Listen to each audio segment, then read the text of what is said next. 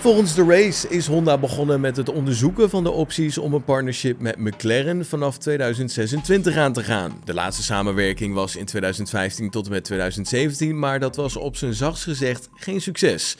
Ja, afgelopen week werd bekend dat Honda vanaf 2026 weer officieel als motorleverancier in de Formule 1 aanwezig is.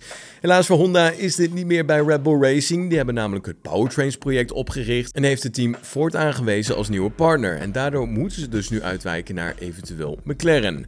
Ja, het zit daarentegen nog wel in de verkenningsfase, omdat McLaren nog een overeenkomst heeft met Mercedes. Die leveren de krachtbronnen tot en met 2025, maar ja, Honda hoopt toch dat stokje over te kunnen nemen vanaf 2026. Honda zou eventueel ook wel oren hebben voor een samenwerking met Williams. Echter, die hebben onlangs James Vowles aangenomen.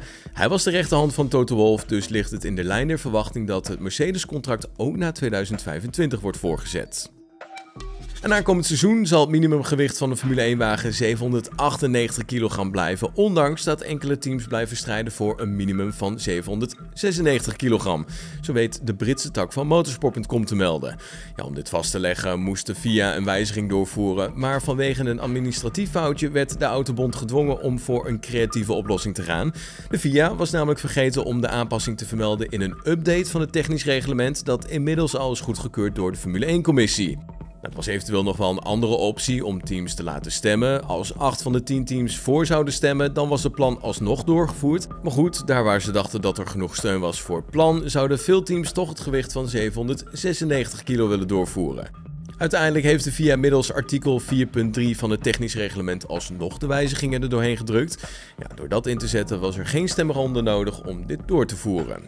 Ondanks dat het gewicht hetzelfde blijft als afgelopen jaar zijn er toch wat nieuwe uitdagingen. De banden zijn namelijk wat zwaarder en door de nieuwe verplichte elektronische kastjes komt er zo'n 0,4 kilogram bij. En het is nog heel even wachten voordat Mercedes het doek van de W14 zal trekken. Op 15 februari staat namelijk de onthulling gepland.